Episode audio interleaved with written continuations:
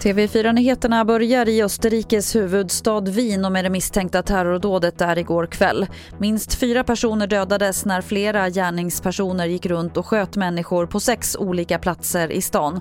TV4-nyheternas reporter Jonas Källgren följer händelseutvecklingen från Berlin.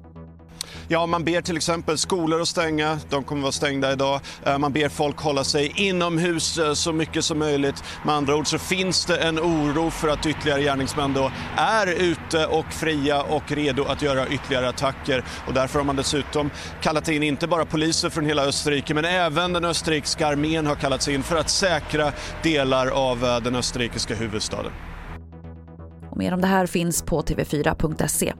Så till Malmö där en 17-årig pojke hittats död under natten och polisen utreder det som mord. Han ska ha hittats utomhus med stick eller skärskador och fördes till sjukhus men hans liv gick inte att rädda. Ingen misstänkt har gripits.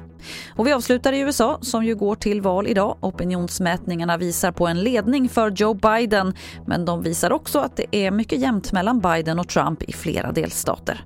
Det var det senaste från TV4 Nyheterna. Jag heter Lotta Wall.